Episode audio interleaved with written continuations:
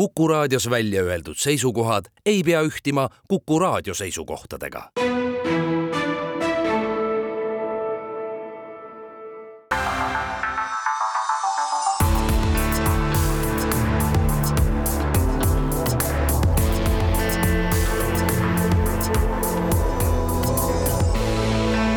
olukorrast ajakirjanduses. tere pärastlõunat väljas on esmaspäev, neljas september, Kuku raadio stuudios Vanamehed viinavabriku kõrvalt, kuigi ma mõtlen, miks me oleme Vanamehed viinavabriku kõrvalt, Rein Lang ja Veino Koorberg.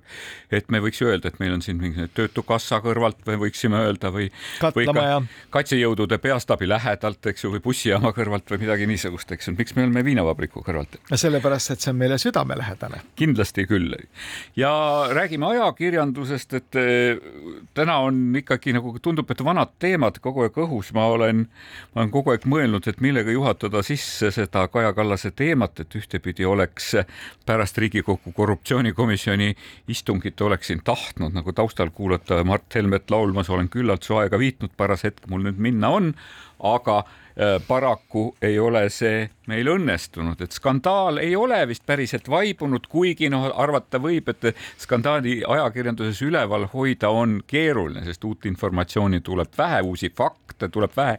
ajakirjandus on nüüd nädal aega tegelikult grillinud peaministrit, et, et on erineva, erineva tugevusastmega vürtse on sellesse loosse lisatud, et meil on räägitud, meil on räägitud Venemaa Omonile pisargaasi tootmisest ja karu, karutõrje pipragaasi tootmisest, eks ju, meil on räägitud Ukraina ja Poola sanktsioonide all olevatest oligarhidest, kellele on teenuse teenust osutatud ja nii edasi ja nii edasi, et kuhu edasi?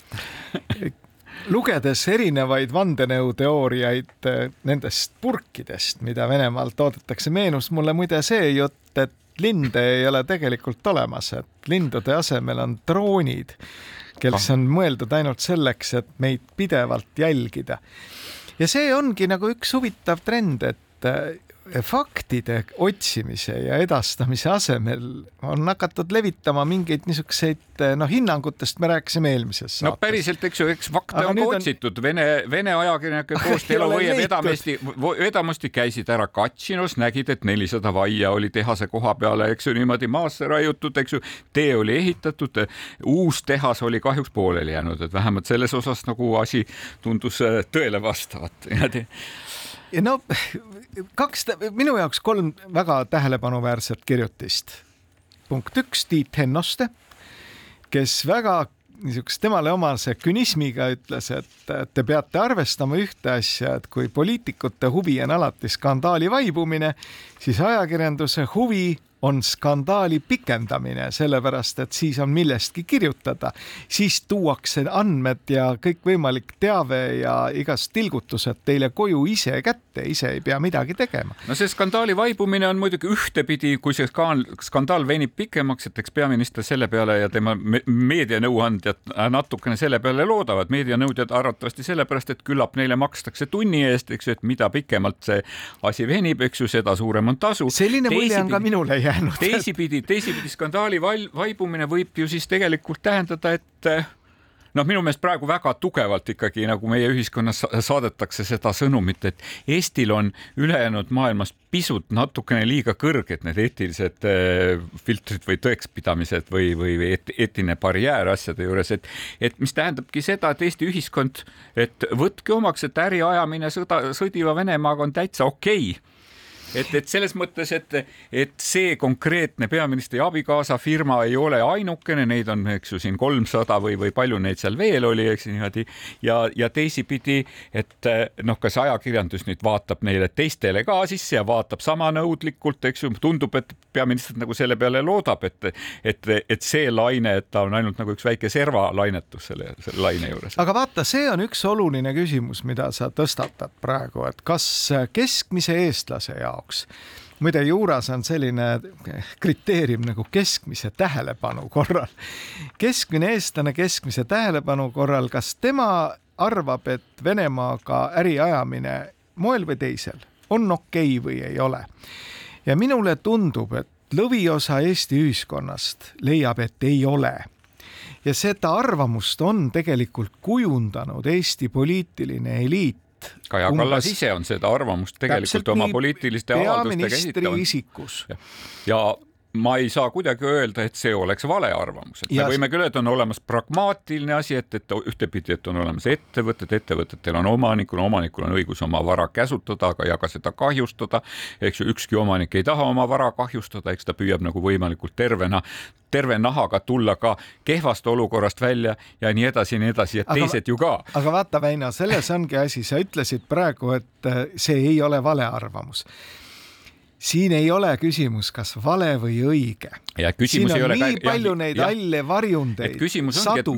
me oleme väärtuskonfliktis, eks ju, selles mõttes, et, et selles siia tulla nagu juriidiliste argumentidega on muidugi pisut. ma, ma arvan, et me oleme jah väärtuskonfliktis selles mõttes, et kui ühiskonna eliit ütleb omaenda liikmetele, kes on ettevõtjad või ettevõtlust abistavad inimesed et Venemaaga äri ajamine ei ole koššer, katsuge sealt kuidagimoodi eemale hoida.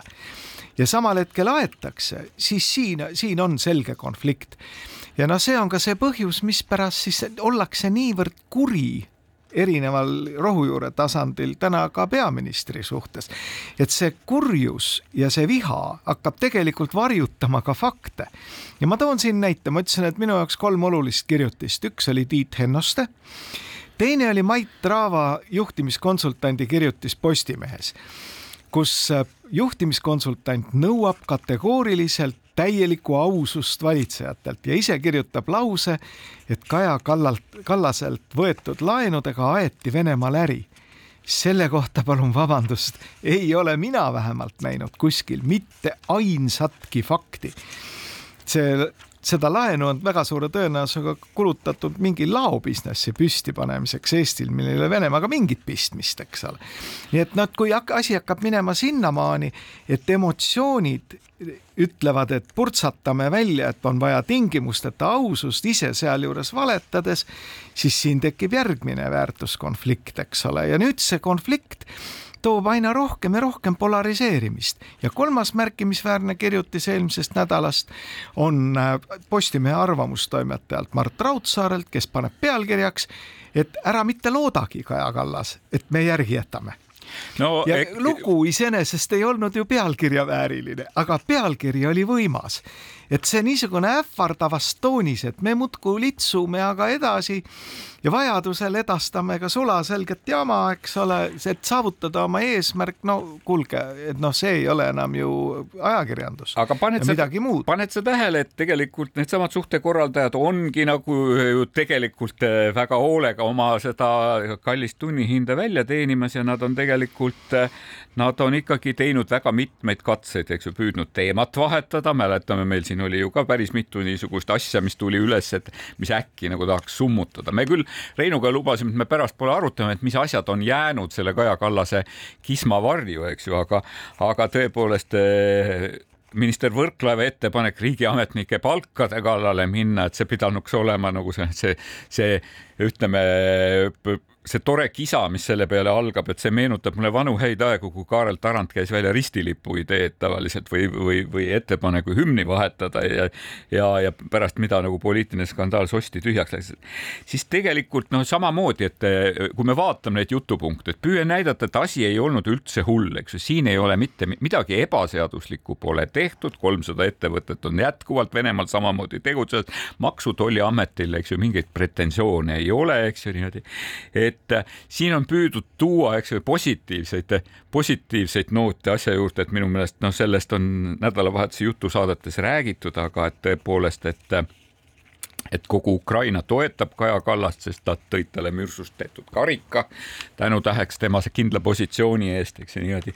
ja tegelikult käis ära ka, käis ära, tuli ära ka nagu see, mida ma ootasin suhteliselt algusest peale, et selle kõik on korraldanud Kremli karvane käsi, eks ju, ehk et tavaliselt sina ütled selle kohta, et kellelegi anti Kremlis orden, eks ju, et siis nüüd nagu, et, et keegi sai selle no mina ütleks küll, et lihtsalt väikese inimliku, isegi ma ei ütleks inimliku ahnuse, vaid inimliku alalhoidlikkuse korraldamise eest, eks ju, ordeni seal. enne, enne kui anname sõna reklaamidele, ma ütlen, et see, sa oled mitmel korral rääkinud sellest, et suhtekorraldajad spinnivad mingisuguse uue loo selleks, et tappa mingit eelmist lugu. mina väidan, et paljud asjad on tegelikult palju lihtsamad et selle, ma tahaks sellest kõrgemate riigiteenistujate palkade vähendamisest ka natukene rääkida, aga, aga vist teeme et... seda pärast pausi.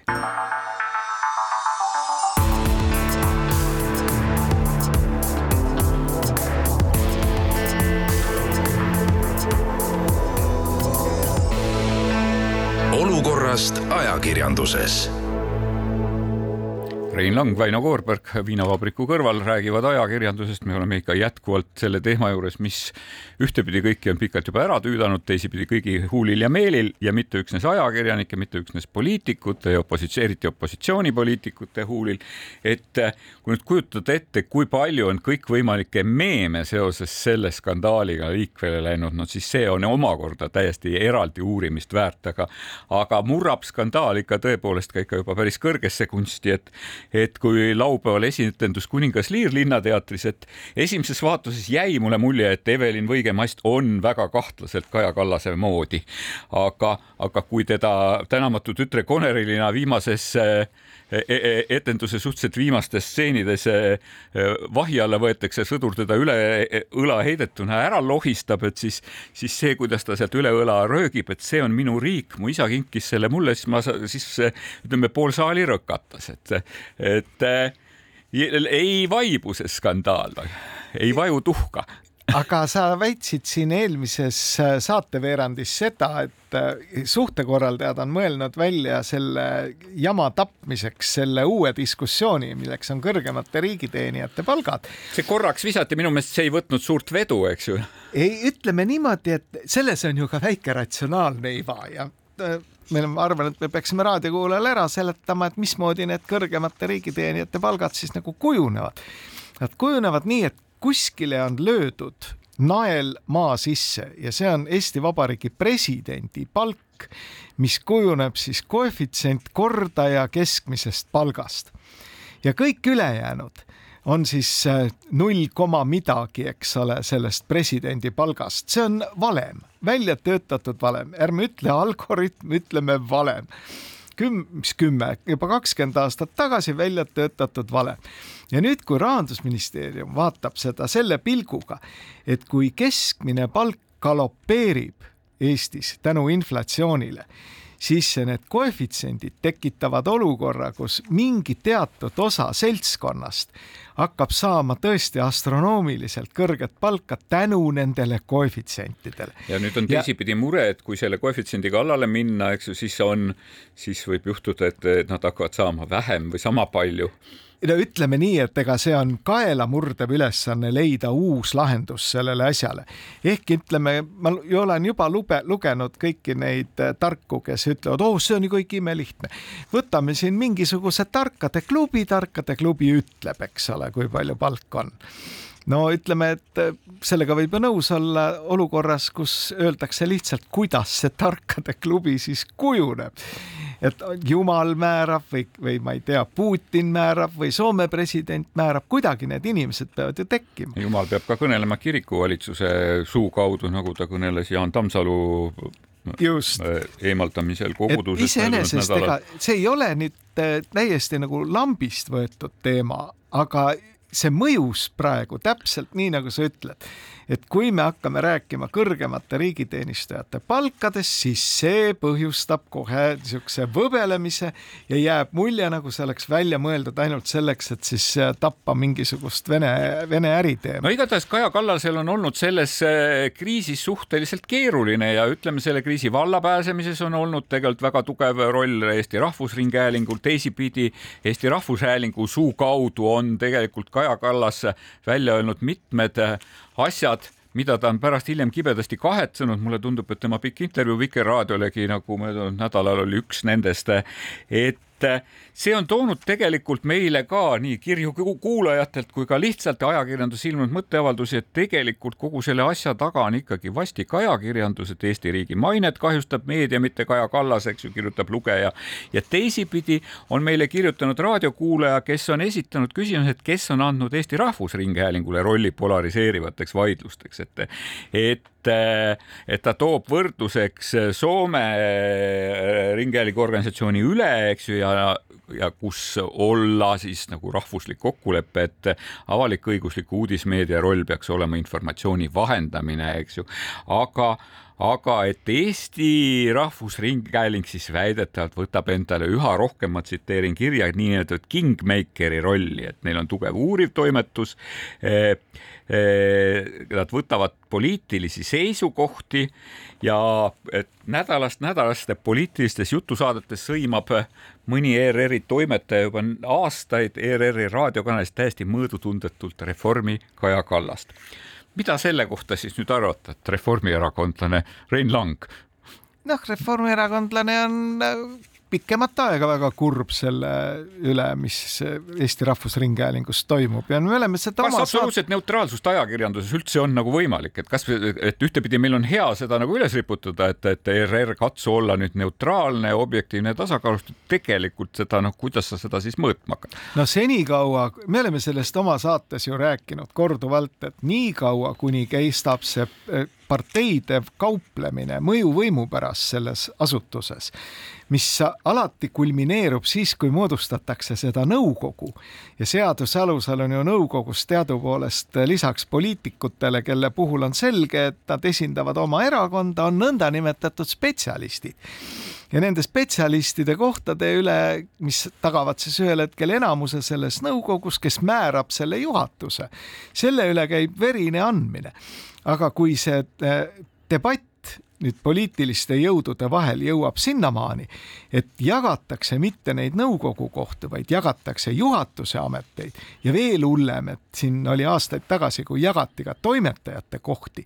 no siis me ei pääse sellest jamast mitte no, on veel ka väga hea kang on ikkagi see, et, et kuidas ehitada ERR-i stuudiomaja, eks ju, kas see on nagu tegelikult väga tore kang, mille no ja ütle nüüd tavamõistus ütleb, et aastal kakskümmend kakskümmend neli, mis meil seisab ukse ees, digitaalse tehnoloogia võidukäik, kus äh, saateid on võimalik teha sisuliselt tikudoosiga, eks ole, nüüd ehitada uut büroohoonet, mille maksumus läheb kuskile saja miljoni euro juurde olukorras, kus nagu raha tõesti napib igal pool. no tundub jabur aga samal hetkel see on väga suur selle ERR-i juhtkonna huvi, et ja, ja miks huvi?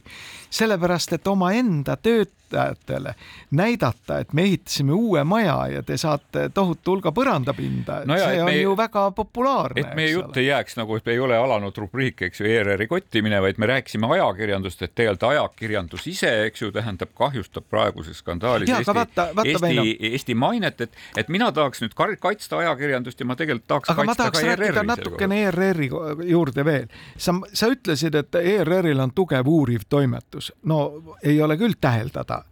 kus see tugevus on, eks ole.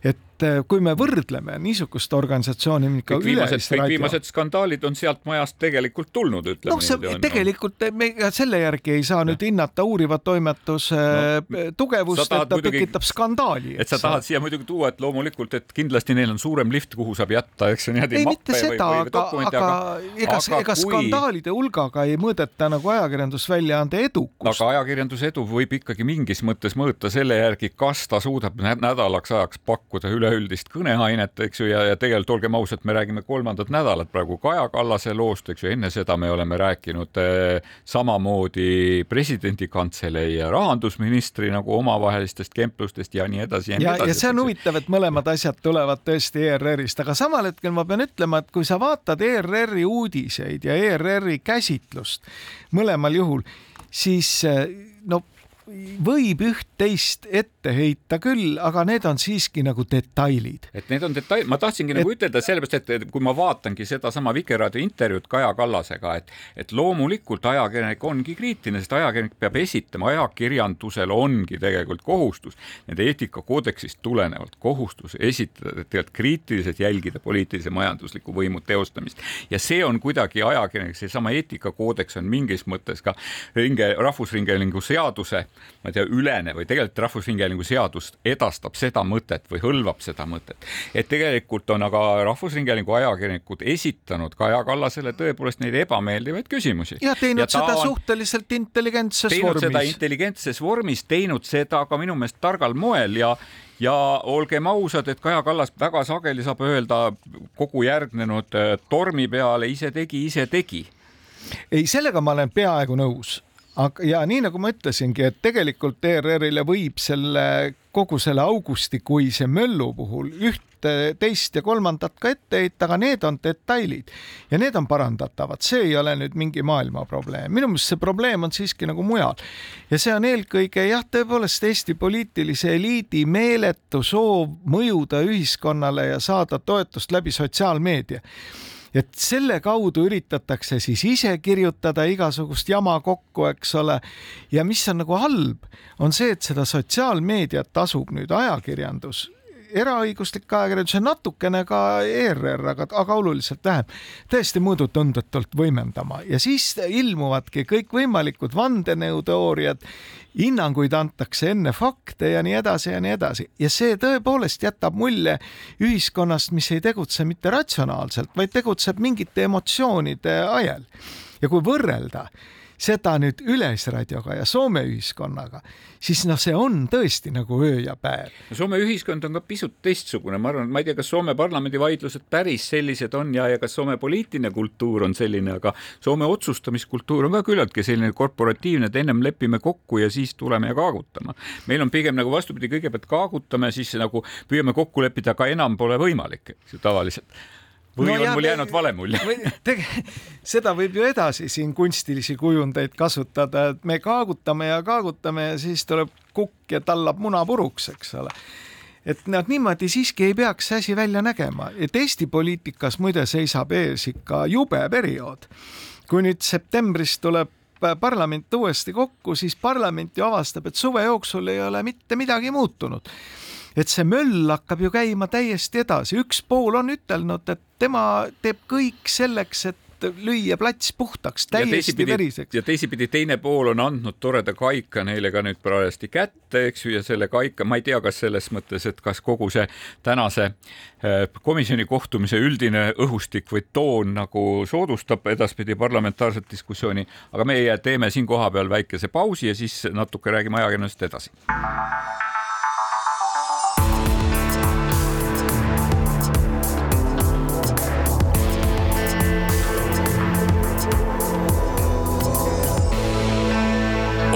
Olukorrast ajakirjanduses.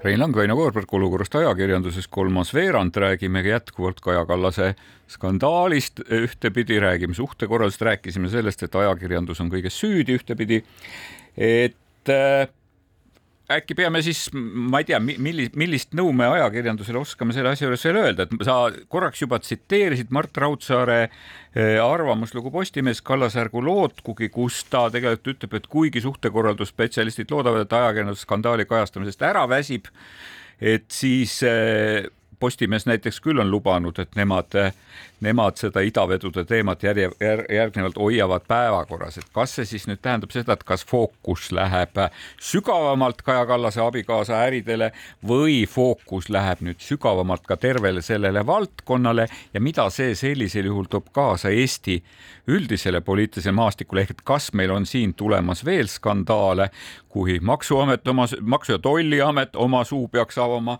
kui Kaitsepolitseiamet peaks oma suu avama, kui me hakkame tõepoolest ühel hetkel hetkel vaatama, et kas, kas eh, kas ikkagi natukene kiipe Venemaale viia võib ja kas seal Soome lahe reidil segada seda Riia segu, mida võiks tegelikult ka siis võib-olla Paldiski seguks nimetada, eh, on hea ja seda meie nagu paakidesse kannata ja kanda. Ja kas siis tegelikult see Vene, Vene lipuga mütsiga nagu tänaval käimine on ikkagi kõige suurem kuritegu, eks ju, ja, ja, ja kas siis see sportlaste ja, ja muusikute, kaasa arvatud ka äsja oma seitsmekümne aasta juubelit tähistanud Andres Mustoneni tühistamine oli siis õige või vale? no natuke võiks sellest Andrese juubelist ju rääkida, et minu meelest on Andres Mustonen andnud täiesti adekvaatse ja põhjaliku selgituse ühiskonnale, miks ta sinna Venemaale läks, mis asjaoludel ja on ka tunnistanud, et jah, läks nihu seekord läks nihu. no seda ta on muidugi teinud päris tükk aega, tükk aega ta on teinud seda vahetult, vahetult enne oma kontserte. aga muidugi. vaata, ütle mulle, kui palju on neid, kes ütlevad, et läks nagu nihu, eks ole. jah, et, et ajakirjandus on tegelikult möödunud nädalal sellest samast vabandamisest ju ka rääkinud, et Tiit Ennoste on rääkinud sellest, et siiralt vabandamist, eks ju, poliitikute suust ei kuule ja, ja tegelikult ka vastutuse võtmist, eks ju, on väga erinevad ja keegi nagu, kui me räägime, et poliitik peab võtma vastutuse, siis, siis me ei tea, et millist vastutust ta peab võtma, et eks, et kas see poliitiline vastutus on vastutus valijate ees, eks ju, et, et halb poliitik jääb järgmistel valimistel valimata, eks ju, või, või siis on see mingisugune selline vastutus, kus nagu, kui sa teed midagi halvasti, siis tuleb sulle, eks ju, prokurör või, või tuleb, näitab president oma, oma roosiaia kõnes, viibutab sõrme või nii edasi või nii edasi, eks ju, ja ja siis on, või siis on sinu vastutus siis, kui Mart Helme ütleb su kohta halvasti ja tugevalt, eks ju, midagi, või siis on see, et mida sinu kohta kirjutatakse sotsiaalmeedias või, või mida sinu kohta arvavad need tavalised inimesed, eks ju, kus, kus nad võivad nagu noh, tõepoolest teha meeme, võivad kirjutada, jagada sinu mingisuguseid varasemaid asju, teha väike solvavaid avaldusi ja nii edasi ja siis kusagil on see ajakirjandus ka, kes peaks seda vastutust siis esile kutsuma või teostama. no eile üritas natuke seda poliitilise vastutuse teemat ju avada seesama ERR läbi Külli Taro ja, ja Markot või Margit Sutropi. nüüd mis on see poliitiline vastutus, eks ole, alati on öeldud niimoodi, et vot see jokk on üks vastik asi, et see, kõik üritavad nalja visata, eriti sotsiaalmeedia on seda mm. nagu kultiveerinud. ma mäletan, et üks Eesti juhtivaid advokaate ütles selle joki kohta, et jokk on asjade normaalne seisund ja kui ei ole jokk, siis tuleb politsei. nüüd, kas sellest piisab? See on hoopis teine teema. küsimus ja minu meelest ajakirjandus on seda teemat arutanud koos arvamusliidritega ja, ja me oleme siiski leidnud seda, et sellest vähemalt poliitikule ei piisa. ärimehele piisa. võib pii sellest piisata ja ärimees tegelikult tavaliselt tegutsebki selle joki piiril ja mõnikord ka üle selle piiri nagu, nagu üksikud, üle, üksikud on... helikopterid, eks ju, tähendab niimoodi Poola-Valgevene piiri peal. ei no kui aga... ta üle, üle piiri läheb, siis ma ütlen, peabki tulema politsei. nüüd poliitiku... poliitik võib ala, alati sattuda olukorda kus äh, ta, ta, ta ei saa enam edasi midagi teha, eks ole, sellepärast et asjad jooksevad kinni ja need ei pruugi üldse temast sõltuvad asjad olla. lihtsalt tekib selline olukord. nüüd, kuidas seda olukorda lahendada, siis klassikaline demokraatia on välja mõelnud sellise asja nagu tagasiastumise instituut. ehk ma astun tagasi selleks, et minna edasi, edasi.. nüüd, kas sa saad seda teha olukorras, kus äh, ajakirjandus kirjutab sinu kohta süstemaatiliselt siga, loll ja süüdi, eks ole. ehk siis, et äh, seab kahtluse alla selle olukorra, et ei olegi nagu jokk, et kõik ei ole juriidiliselt ka nagu korras, astud tagasi, järelikult tunnistasid üles. no järelikult on siin ikkagi see, et, et kõik, kõik saab alguse suhtekorralduslikust nagu minu meelest kahest kahest või kolmest peareeglist. esiteks kuula, mida sinu käest küsitakse. teiseks, kui sa ei tea, palu aega eks ju, asjaolude selgitamiseks niimoodi. ja, ja, ja, ja kolmas on ikkagi õieti ütleks, et esimene on ära valeta, sest et praegusel hetkel see hämamine keerutamine nagu keeruliste konstruktsioonide kasutamine ja nende hilisem nagu lahti harutamine, ümberseletamine ja nii edasi ja nii edasi. et need on loonud tegelikult selle tausta, kus nagu väga palju niisugust damage kontrolli, kahjukontrolli pole enam võimalik teha. sinu, sinust praegu lööb välja see Tartu vaim, kus aja, on ajastu vaim on, on selline, et on, kõik on rahulik, eks ole. nüüd mis sa siis ikkagi teed, kui sulle pannakse mikrofon nina alla ja esitatakse küsimus, et kas te olete hommikuse konjaki joomise juba maha jätnud? tavaliselt seda küsimust sellises vormis Aga- muidugi pole talle, pole talle aga esitatud, aga lihtsalt need küsimused, kas sinu tagasi kunstiline kujund. ja ma tahtsingi seda öelda, et tagasiastumine võib-olla nagu skandaali alguses ja taga, tagasiastumine pärast seda, kui poliitiline skandaal on sind pikalt-pikalt pikalt grillinud, grillinud ja sul ei jää enam muid võimalusi, need on kaks erinevat asja. Ja tõepoolest, et minu meelest tuleb sellisel juhul noh, ei saa mööda minna sellest, et tõepoolest mõnda tagasiastumist vaadatakse, et ta astus tagasi selleks, et hullemat ära hoida ja mis seal veel oleks va- valmis olnud või et oligi süüdi, eks ju.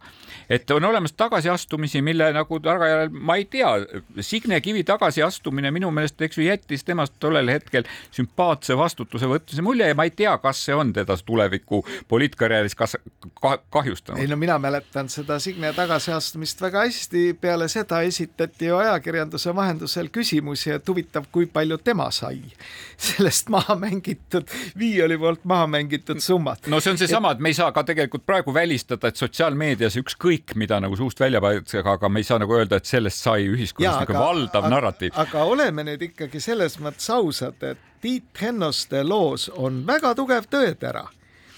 ehk siis kas-, kasutades sellist klassikalist, võib-olla paarkümmend aastat tagasi lääne ühiskonnas väga omaks võetud tagasiastumise instituuti, on ajakirjandus peale solvunud sellepärast, et sa tegelikult lõpetasid skandaali ja nüüd eh, selleks, et seda edasi kerida, siis hakatakse mingeid vandenõuteooriaid edastama. no ma ei tea see seab tegelikult Eesti poliitiku üsna vastikusse olukorda, et ta on mõlemas mõttes, ega tagasiastumine midagi väga mõnusat ei ole, aga mäletad, et meie eelmises saates me tegelikult nagu arutasime väga teravalt sellel teemal, et kes on ajakirjandus, et ta, kes, kes ta selline on, et ta võiks nõuda peaministri tagasiastumist, eks ju no ma ütleme, küsin, et kes on opositsioon, et ta võiks äh, nõuda peaministri tagasiastumist, eks ju, ja mida teha sellisel juhul, kui kui kodanik või poliitik, kes peaks astuma tagasi väärtuskonflikti tõttu, ütleb, et aga ma ei tule alla, te võite mind matta koos majaga. ainult et äh, opositsioonipoliitikutel on selleks äh, tagasiastumise nõudmiseks olemas rahva mandaat, nad on Toompeale valitud teatud valijate poolt huvitav, milline mandaat selleks on kellelgi peatoimetajal, kellel on arvuti, et skribeerida juhtkiri, eks ole, et noh, selles mõttes sa ju eelmines saates väga täpselt avasidki seda, kui munade peal peaks ajakirjandus väljaanne tantsima. no teisipidi ikkagi, et me räägime, me räägime ühtepidi nagu niisugust formaalsest valimismandaadist, aga me räägime ka sellest, et ajakirjandusel on ikkagi nagu ise võetud nagu teatav kohustus avalikkuse ees, eks ju esindada avalikkust. aga tal on esimene kohustus tegelikult oma valijaid või mitte oma valijaid, vaid oma tarbijaid. no ta esimene, esimene kohustus, esimene kohustus on tõde, teine on informatsioon, kolmas on siis ja kolmandas etapis võib loomulikult ka hinnanguid hakata andma, sest et kõik on inimesed, aga noh, et hinnangud antakse enne fakte, see on äh, väga kujuk, kujukaks muutunud Eestis. nii, aga ja kuidas see see on halb, see ei ole minu meelest sugugi hea praktika. kuidas see asi siis praegu peaks nagu edasi arenema?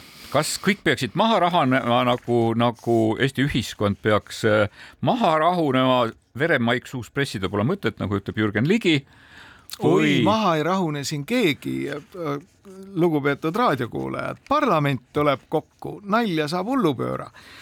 Opositsioon on ju teatanud ühe erakonna suu läbi, et nemad ei kavatse mitte sammugi tagasi astuda ja kavatsevad neid öiseid istungeid pidada igas küsimuses.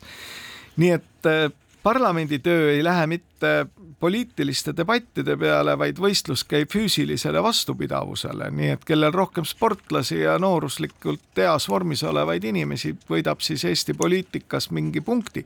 Ja see on nüüd küll ikka jama. Ja minu ettekujutuses, kuidas seda asja saaks nagu pidurdada, ei ole mitte see, et õhtul õlle kõrval kirjutan järjekordse loo, kuidas parlamendis töötavad kõik lollpead, eks ole vaid täna tuleks kõigil väljaannetel, kes endast lugu peavad ja oma lugejatest, vaatajatest, kuulajatest lugu peavad, määrata korrespondendid Toompeale, kes mitte ei trüki ümber erakondade või, või kelle iganes äh, pressiteateid, vaid oleksid need kakskümmend neli tundi seal kohapeal ja jälgiksid kõike seda.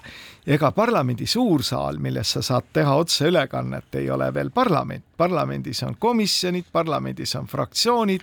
parlament võib on... ka uurimiskomisjone kokku kutsuda, kui ta leiab selleks poliitilise konsensuse. no täna me nägime, eks ole, et kui teed ülekande sellest äh, tähtsast komisjonist, siis sellega saad ainult nalja, eks ole, ja üldiselt süveneb selline skepsis parlamentaarse riigikorra vastu. see on ju just see, mida näiteks EKRE juhtivad poliitikud ongi öelnud, et nendele see riigikord ei meeldi Nemad tahaksid teistsugust, nad tahavad seda saavutada sellega, et nad teevad Eesti parlamendi töövõimetuks. mida selleks peaks tegema, seda me räägime pärast pausi.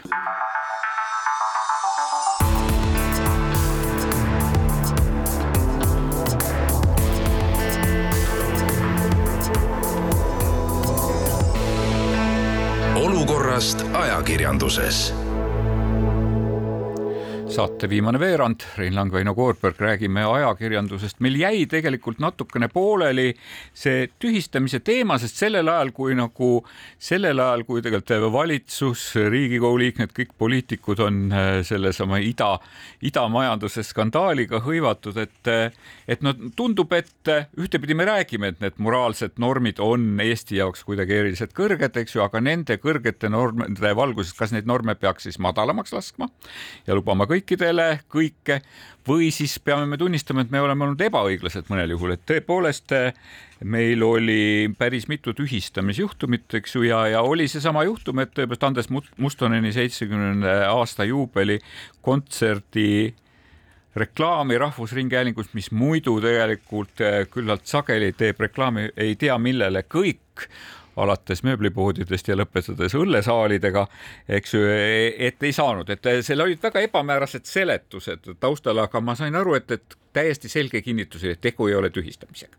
ei no inetu lugu muidugi, et mul jäigi jutt nagu selle koha peal pooleli, et mina, minu jaoks on Andres Mustoneni selgitused oma Venemaal käigu suhtes täiesti arusaadavad ja teema peaks olema lõpetatud Andres on andnud pika intervjuu Postimehele kõige seal, kõik selle ära seletanud, on mujalgi sõna võtnud no,. pikk pehme intervjuu Kroonikas ka. ja nii nagu ta ütleski, et, et noh, läks nihu, noh, mis teha.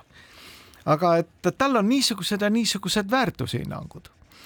aga kui, kui nüüd jätkatakse sedasama tümitamist, eks ole, ja nüüd ütleme, suure meistri seitsmekümnenda sünnipäeva kontserti ei peata vajalikuks ja võimalikuks reklaamida kultuurirubriigis, siis mulle tundub, et kuskil seal ERR-is on ikkagi kellelgi juhe nagu kokku jooksnud. See võib olla juhe kokkuvõttes, ma ise nagu nendest selgitustest, mida jagati, ma muidugi usun seda, et kusagil on nagu mingisugune Eh, kuidas seda siis nimetada, mitte sõnastatud või, või, või, või, või, või kirjutamata reeglid või, või midagi niisugust selles osas, sest et jäi sellest teatest ka mulje, et me ei hakanudki nagu, kui meie käest informatsiooni küsiti, me ei hakanudki seda saatma või me unustasime selle saata, sest niikuinii see otsus oleks tulnud eh, äraütlev.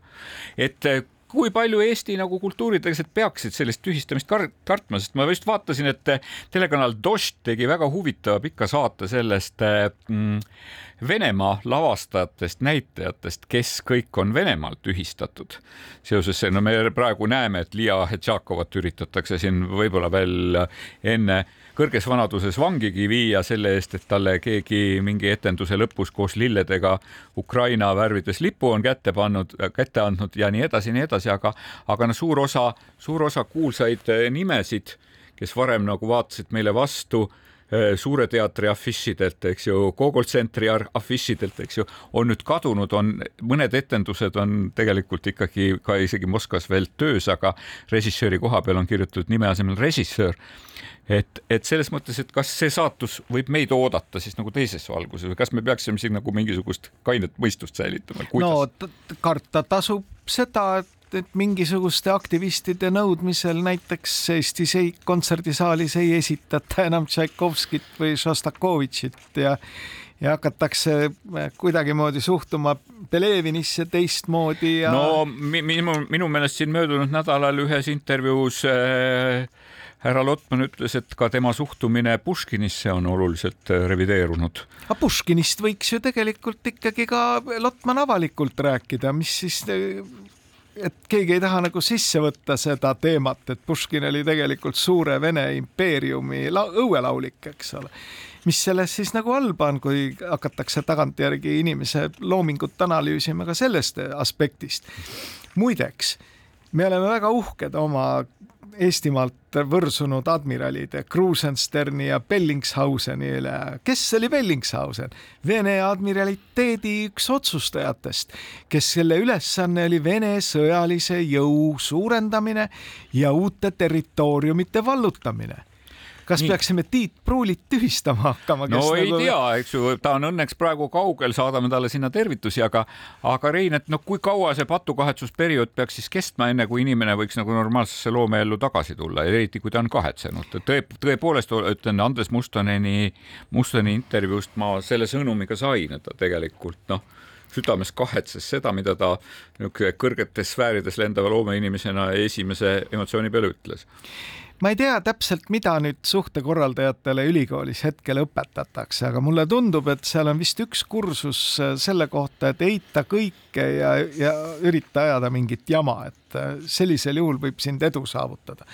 Neid suhtekorraldajaid avalikus sektoris on oi-oi-oi kui palju ja neid äh, võetakse pidevalt juurde ja selle põhjendusega, et muidu ei saa oma narratiivi ajakirjanduses läbi ma olen korduvalt küsinud nende asutuste juhtide käest, et kui te olete tööle võtnud endale järjekordse suhtekorraldaja või mingi spinndoktori, siis ühel hetkel te peate ju panema sinna nende kohale veel mingi ülemuse, kes nende tööd hakkab koordineerima.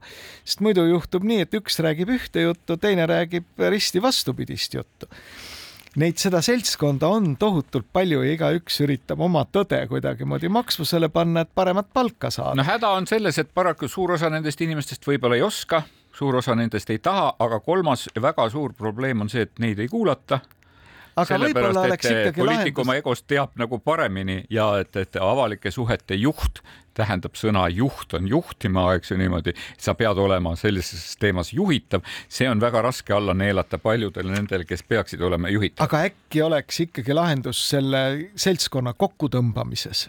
jah, et tegelikult praegu ootamegi, et, et meil on olnud üks skandaal teise järel, et, et tahtsimegi et juhtida tähelepanu, et ka Postimehe Postimehe fookuses Meelis Oidsalu tegelikult kirjutas huvitava loo presidendi selle kantselei skandaali tagamaadest, oravate võimuliialdus ja kantsleri mõtlematus muutus, aga, aga et mis ajakirjandusel jäi siis veel nagu kahe silma vahele, et tegelikult kõik need eelarvevaidlused, mis juba tegelikult tükk aega on käinud, et nad on kuidagi tagaplaanil sordiini all.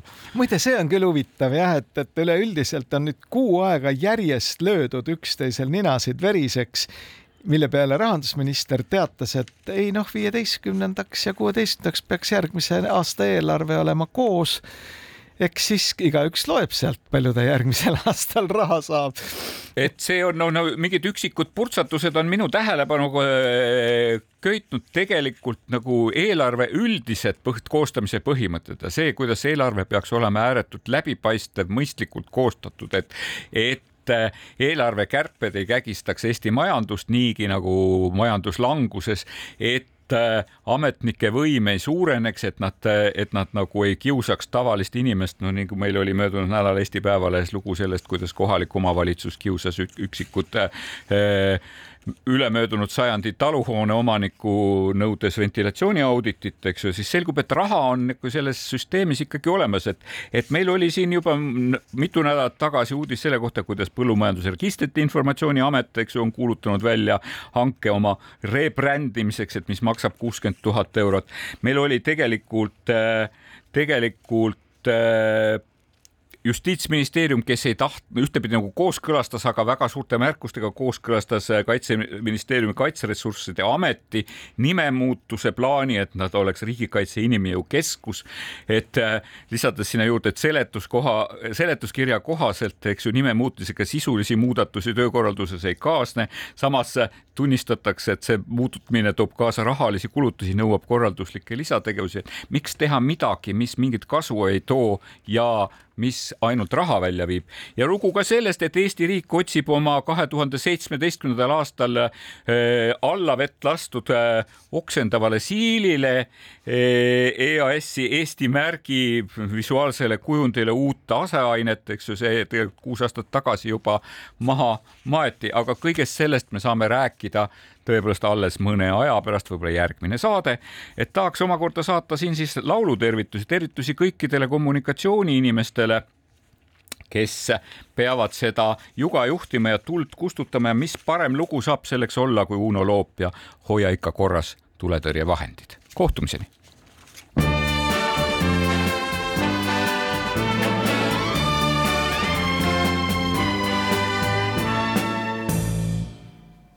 hajameelne, murelik on mõni mööduv surelik. tihti tahaks teda tülitada ja hõigata ratatata.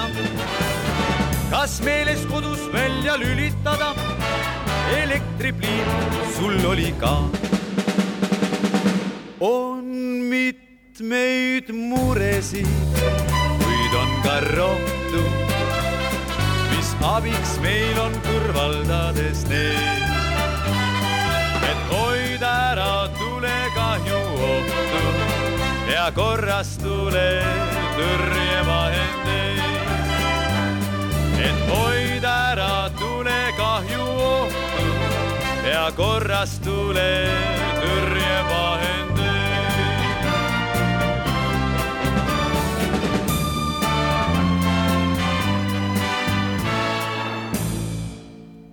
Eks ole veidi kolegi, et muret mõnel polegi. tahaks neid siis vahel heidutada ja hõigata, ratatata. kas tikke unustanud peidutada, ehk laste eest ei ole sa.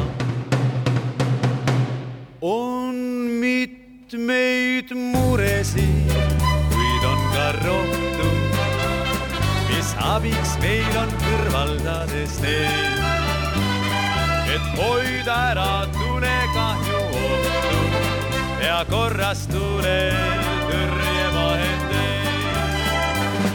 et hoida ära tulekahju ohtu ja korras tule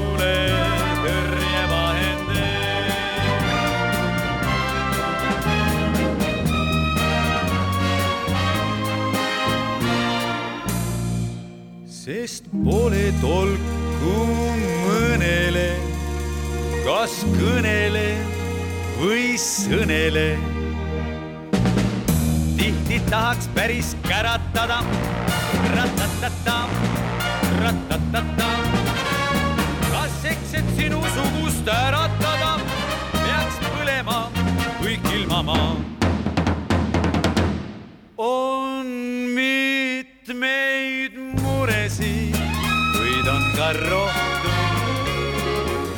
abiks meil on kõrvaldades neid. et hoida ära tulekahju ohtu ja korras tule tõrjevahendeid. et hoida ära